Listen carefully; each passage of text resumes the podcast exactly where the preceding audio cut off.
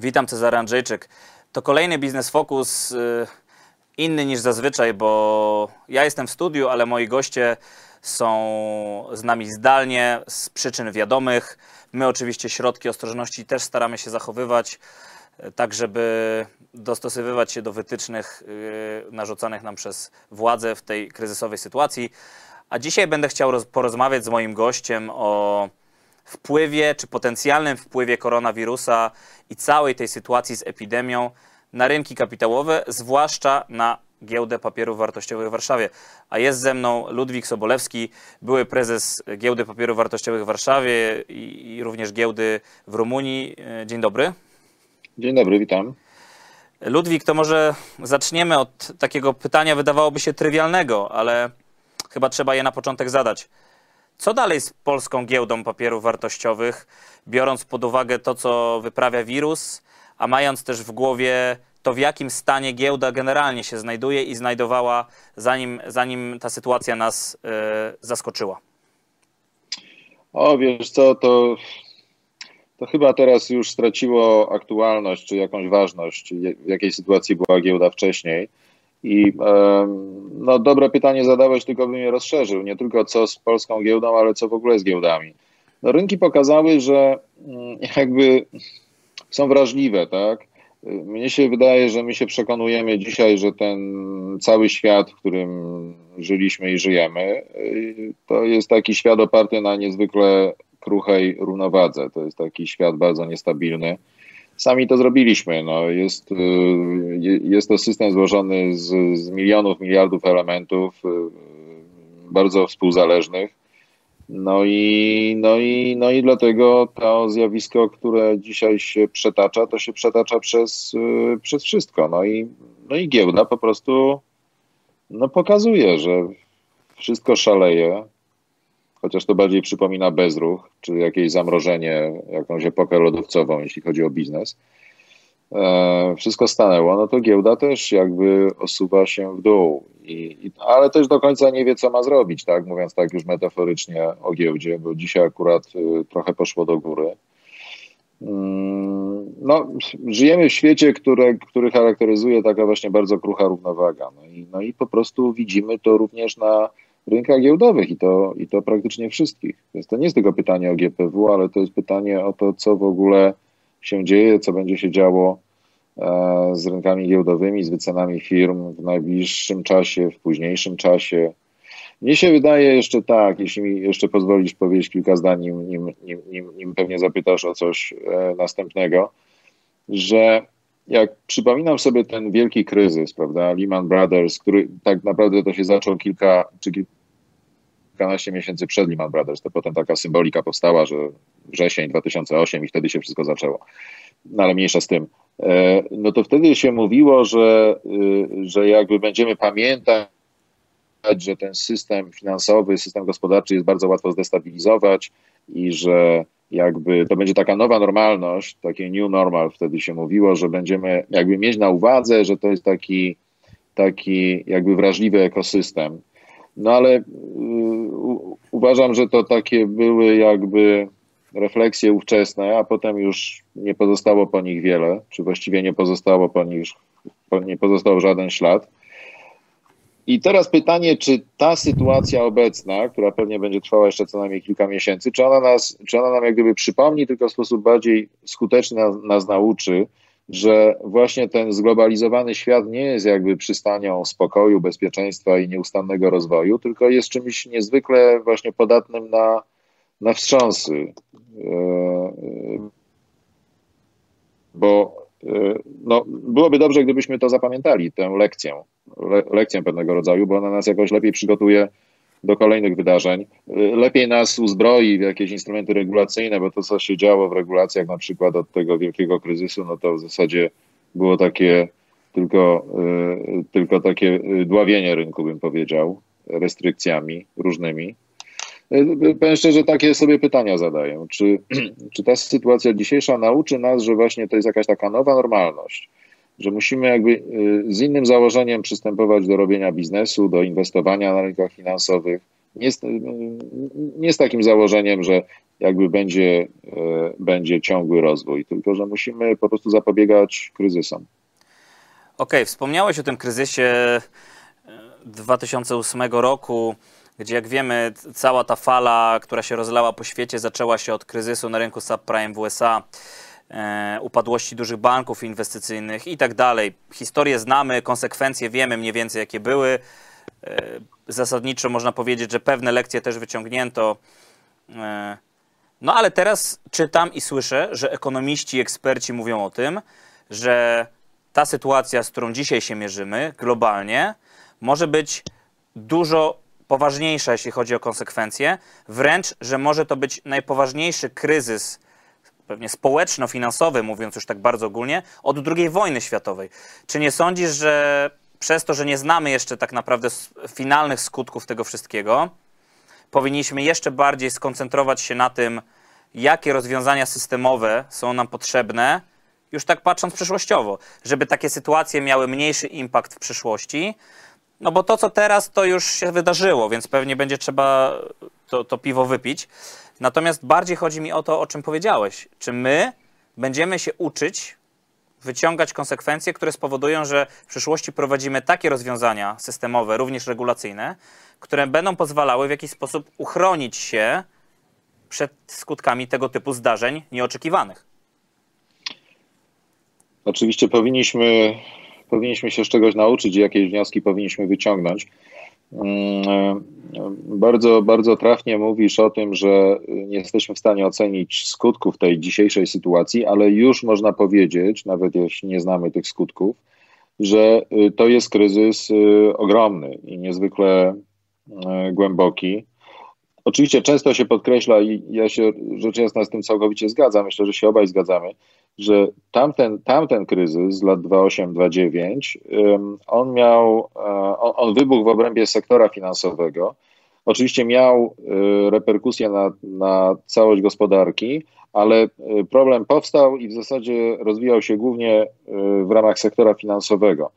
A ten, a ten ma właściwie mm, takie podłoże no, niezwiązane z gospodarką w ogóle, już nawet nie mówiąc o świecie finansów. E, więc to jest coś, e, coś zupełnie innego. To znaczy, wtedy nam jak gdyby wybuchło wszystko pierwotnie w bankowości, w bankowości inwestycyjnej, a zatem wybuchło nam na giełdach, a tutaj nam wybuchło w ogóle w jakiejś innej przestrzeni. Jeszcze w dodatku tak troszeczkę, żeby, żeby, żeby świat nie docenił powagi tej sytuacji, to najpierw w ogóle wybuchło w jakiejś tam odległej E, geografii takiej no dosyć, dosyć jakby e, jednak no konkretnej, prawda? E, jeszcze się wtedy nikt nie spodziewał, że z tego będzie jakaś pandemia przecież. Ja uważam, że z tego można wyciągnąć dwie, dwie nauki, jak sądzę. To znaczy, jeśli chodzi właśnie o nadzór i regulację nad sektorem finansowym, nad rynkiem instrumentów finansowych, to my musimy przestać my musimy przestać myśleć, zresztą to, to było coś, o czym ja często mówiłem jeszcze przed wirusem. My musimy przestać myśleć, znaczy regulatorzy muszą przestać myśleć o regulowaniu rynków finansowych, biorąc jak gdyby pod uwagę tylko jedną rzecz, że w systemie są jacyś źli ludzie, którzy będą chcieli e, oszukać innych ludzi i ukraść pieniądze. No bo to jest nie, niestety taki leitmotyw przyświecający e, tym działaniom regulacyjnym od e, wielkiego kryzysu, to znaczy, y, to znaczy właśnie, żeby jeszcze nawiązać dwoma zdaniami do lat 28-29, to był moim zdaniem główny wniosek, zresztą dosyć fałszywy, który wyciągnięto z tamtego kryzysu, że trzeba teraz przykręcić śrubę, bo mogą być jacyś ludzie, którzy będą jakby e, w niecnych celach e, korzystali z wolności.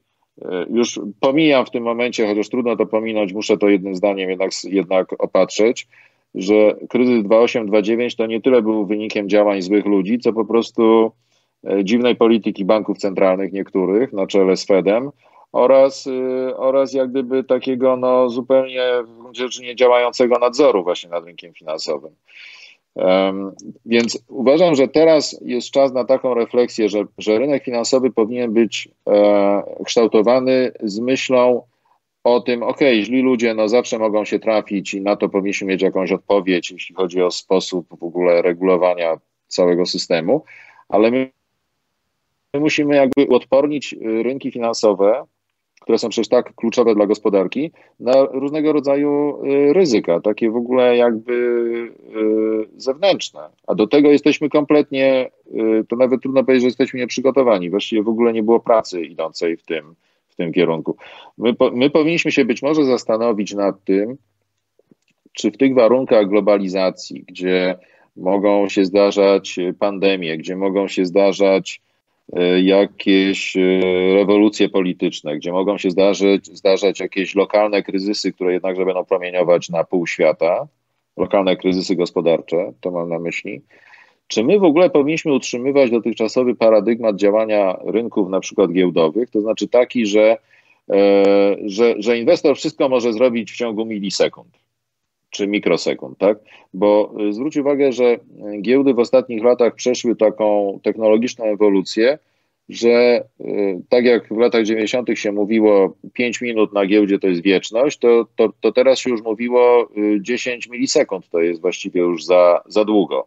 Jeśli chodzi o wysłanie zlecenia na giełdę, realizację tego zlecenia, czyli kupiliśmy, sprzedaliśmy coś i dostaliśmy jeszcze potwierdzenie zawarcia transakcji.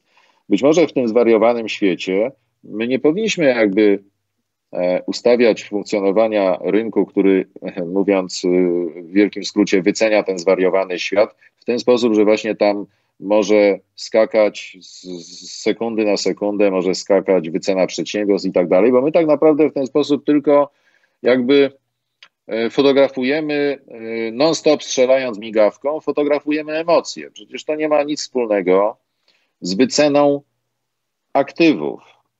Ja ci to mogę powiedzieć, y, czy Państwu, naszym wszystkim widzom i, i, i słuchaczom, że ja to mówię również jakby z osobistej perspektywy, bo ja jestem inwestorem giełdowym w Warszawie i w Bukareszcie.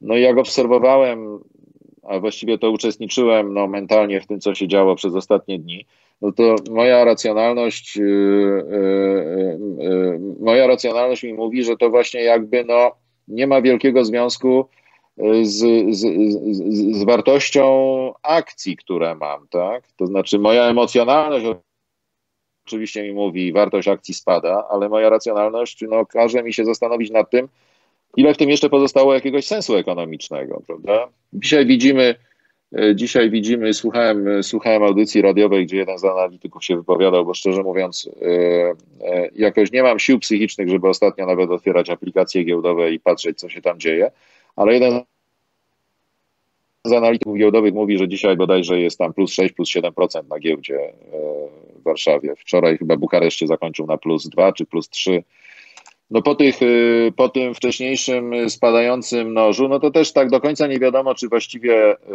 oddychać z lekką ulgą, czy nie, bo nie wiadomo, co może być za godzinę, za dwie godziny, czy, y, czy jutro. Innymi słowy, trochę mi się to, że tak powiem, półżartobliwie przestaje podobać, że te rynki giełdowe zbudowaliśmy właśnie w ten sposób, żeby one były takim ultra szybkim mechanizmem reagującym na jakby na wszystko, co się dzieje w otoczeniu, Mamy globalny, globalny świat, mamy powszechny dostęp do informacji, mamy informacje, gdzie czasem trudno odróżnić fake newsy od, od, od, od rzetelnej informacji.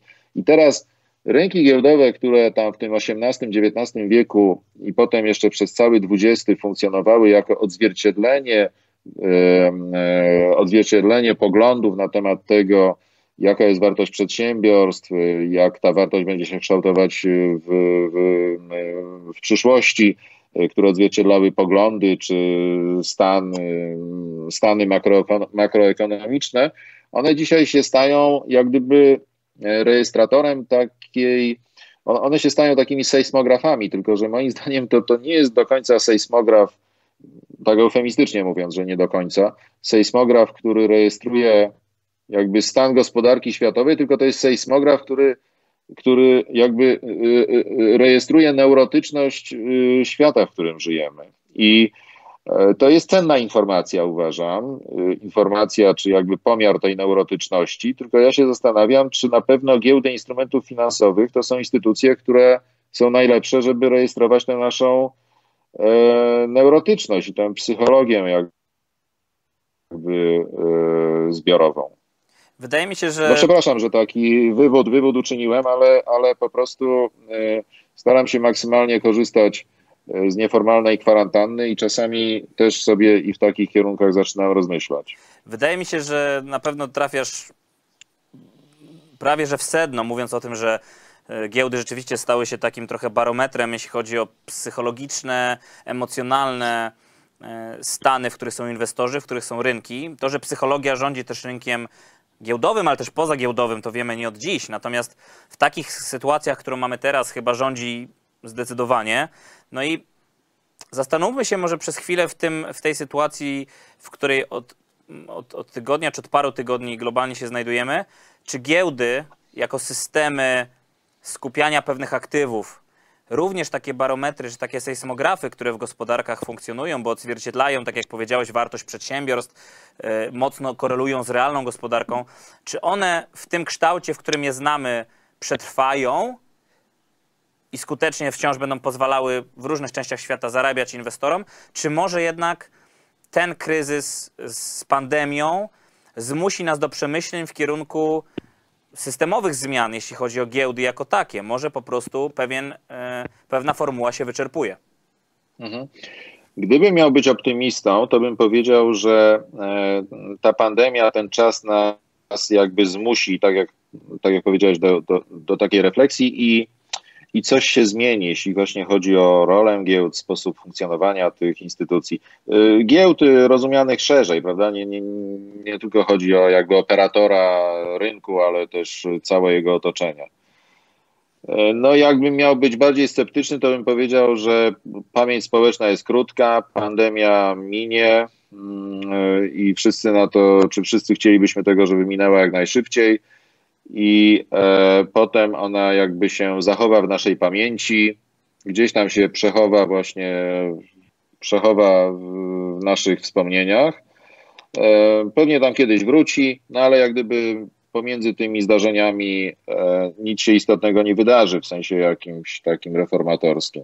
No ale ja, by, ja, ja bym jednak wierzył w to, że, czy chciałbym wierzyć, że będzie jakaś taka głębsza refleksja na temat tego, jak, e, jak właśnie platformy, e, które służą wycenie instrumentów finansowych, które przecież dzięki temu umożliwiają przedsiębiorstwom pozyskiwanie kapitału, jak one mogą funkcjonować. Powiem Ci szczerze, że jakby myśl, która przychodzi mi do głowy na pewno i jakoś koresponduje z tym, o czym mówiłem wcześniej, to jest to, że my po prostu powinniśmy mieć to jakby wszystko w tym momencie na zwolnionych obrotach. To znaczy, to znaczy, e, no, e, taka mi jakaś obrazoburcza myśl powstaje w głowie, że giełdy jakby e, powinny właśnie jakoś tak wolno realizować zlecenia inwestorów. Nie, nie, zawieszać, nie zawieszać przyjmowania zleceń i nie zawieszać notowań, tylko, tylko działać w taki sposób, jak nie, nie wiem, czy to zauważyliście, pewnie zauważyliście kilka, albo to już może było kilkanaście miesięcy temu, chociaż bardziej kilka, e, e, ogłoszono w Stanach Zjednoczonych projekt utworzenia takiej e, technologicznej giełdy papierów wartościowych, czy właściwie giełdy papierów wartościowych technologicznych, znaczy spółek technologicznych. To ma być bodajże w Nowym Jorku. Czołowe banki inwestycyjne uczestniczą w tym projekcie i tam powiedziano coś takiego nasza giełda, która będzie normalną, taką regulowaną, mówiąc europejskim językiem, regulowaną giełdą papierów wartościowych, akcji, to ma być giełda dostosowana jakby do specyfiki startupów technologicznych, gdzie zawieranie transakcji, bo yy, wchodzenie w transakcje, bo coś tam spółka dała jakiś raport bieżący, i przecenianie spółki albo zwyżka notowań e, i, i, spółka, która kosztowała 20 minut wcześniej tyle, to będzie kosztować teraz tyle, że to jest w ogóle absurd. To znaczy e, spółki wczesnego etapu to są, to są takie firmy, gdzie w zasadzie e, trzeba do tego mieć inne podejście. To znaczy e, to są spółki, które się obserwuje w długim czasie. To są spółki, które jakby pracują nad wynikiem. To są spółki, które przecież my to wiemy doskonale jakby z obszaru pozagiełdowego. Y, y, to jest, y, wiele spółek można wycenić na, nie wiem, 10 milionów dolarów, a troszeczkę zmieniając założenia co do przyszłości, można je wycenić na 100 milionów dolarów. I taki obrót typowo giełdowy takimi właśnie e, instrumentami nie ma specjalnie żadnego sensu.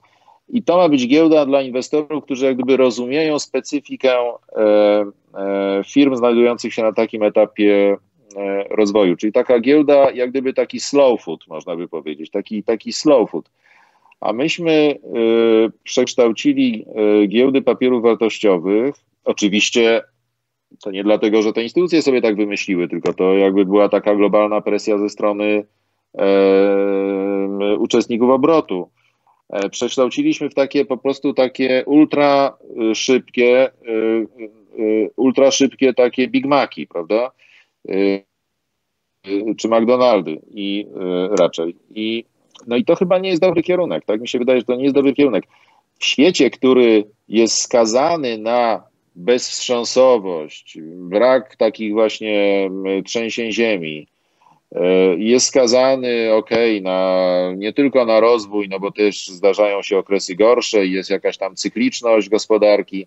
Dzisiaj niespecjalnie jest w ogóle jakaś cykliczność gospodarki. W związku z tym to w ogóle jakby e, świat się gospodarczy wokół nas zmienił. E, a my zostaliśmy z tymi maszynkami, jak gdyby do dokonywania obrotu, jakby ten świat był taki, jak nie wiem, 20, 30 czy, czy 40 lat temu. I, e, no, e, wydaje mi się, że to jest coś, nad czym warto by się zastanowić. Czy absolutnie nie, nie, nie twierdzę, że to jest jakiś, nie wiem, główny pogląd, jaki, jaki można wyciągnąć z tej całej sytuacji, ale powinniśmy przyjąć jakiś punkt wyjścia, jakiś zbiór poglądów, jakiś zbiór myśli, tak? to, co dzisiaj słyszę e, nie od ekonomistów, od ekonomistów powiem szczerze, czy raczej takich analityków rynkowych, to słyszę takie banały i komunały. E, pewnie sam popełniłem już kilka w naszej, e, w naszej rozmowie. Natomiast najciekawsze rzeczy to słyszę od filozofów, politologów, tak? Jak słyszę o tym, jak czytam Marcina Króla, który mówi, że myśmy się po prostu wszyscy przyzwyczaili do ciągłego rozwoju, że życie będzie coraz bardziej e, wygodne, przyjemne e, i że jakby naczelnym naszym celem jest unikanie wszelkiego dyskomfortu. No i dlatego nas ta sytuacja dzisiejsza tak zmroziła, prawda? Bo myśmy się jakby do niej mentalnie kompletnie w żaden sposób nie, nie przygotowali. I teraz transponując trochę ten pogląd, y, czy tę ocenę Marcina Króla na właśnie te rzeczy, o których dzisiaj rozmawiamy, to ja bym powiedział, że my powinniśmy naprawdę E, naprawdę poddać dyskusji sposób funkcjonowania rynków finansowych. I wtedy wyjdą też te inne rzeczy, o których e, wiele osób mówi już od dłuższego czasu, że to jest przeregulowane, że to jest nadmiernie restrykcyjne, że to jest tak sformalizowane, że wręcz poniekąd, nie w intencji, ale poniekąd przez jakby niechciane skutki, wręcz nawet zachęca w pewnym sensie do, e, do nadużyć. Czy, czy, czy jakby szeroki wachlarz problemów, które, warto, warto poruszyć.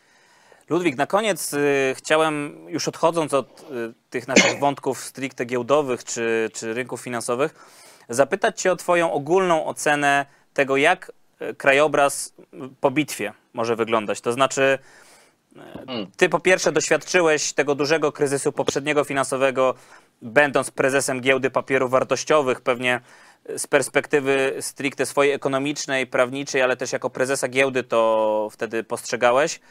Jak teraz postrzegasz ten kryzys ekonomiczno-społeczno-polityczny wywołany przez zwykłego wirusa, można by powiedzieć, a jednak widzimy, jak świat reaguje. Mhm. Czy my będziemy sprzątać po tym kilka lat, czy może dzięki szeregowi jakichś niestandardowych działań, które uda się podjąć, będziemy w stanie szybciej złagodzić skutki tego, tego kryzysu.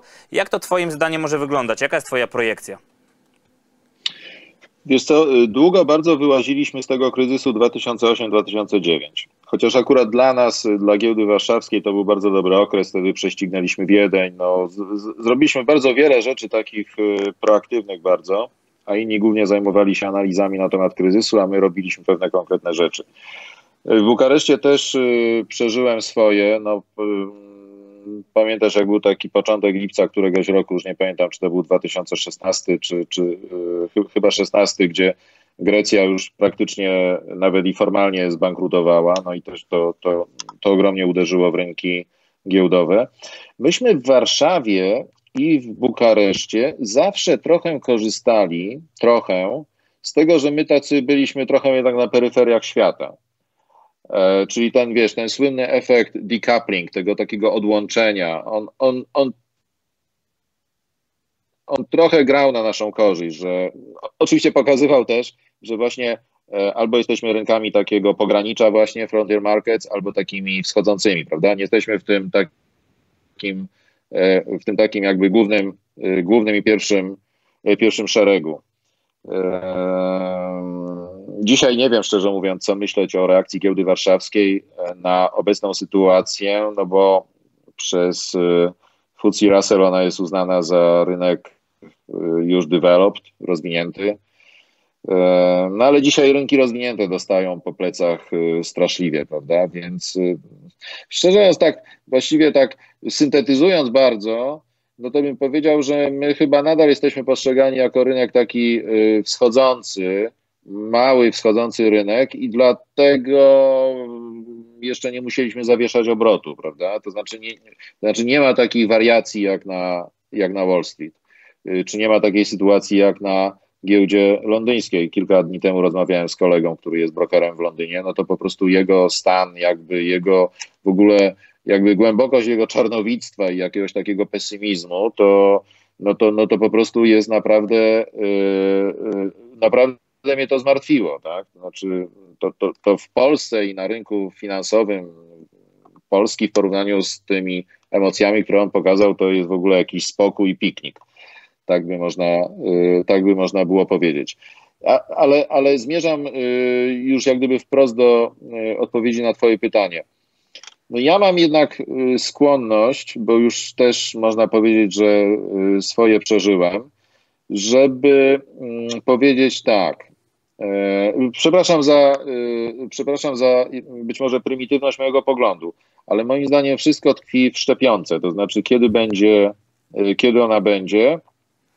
Jak ona będzie szybko, szczerze mówiąc trochę nie rozumiem, dlaczego się teraz mówi, że tam te badania kliniczne i certyfikacja szczepionki to jest co najmniej rok czy półtora roku. No, mam nadzieję, że to jest tylko takie takie gadanie, bo jeszcze może sobie nie wszyscy do końca uzmysławiają, że nadzwyczajna sytuacja wymaga nadzwyczajnych działań i pracy 48 godzin na dobę wręcz i tak dalej, i tak dalej.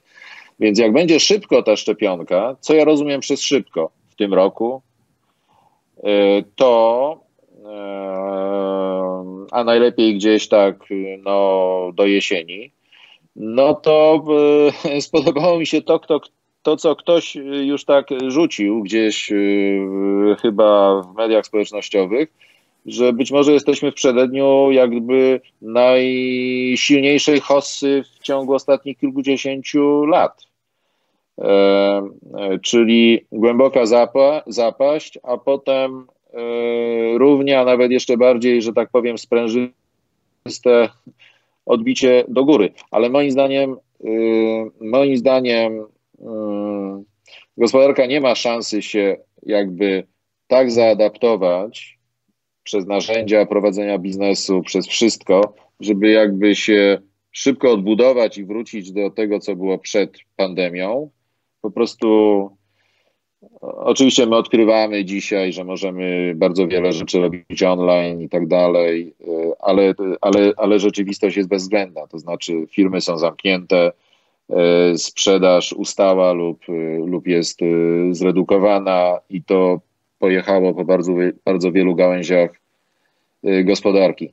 I jakby nie, nie, nie, da się udawać, że, tego, że to się nie stało. Więc moim zdaniem pies jest pogrzebany w tym, czy będzie skuteczne remedium, po prostu medyczne remedium na, mhm. na koronawirusa i kiedy ono będzie, tak?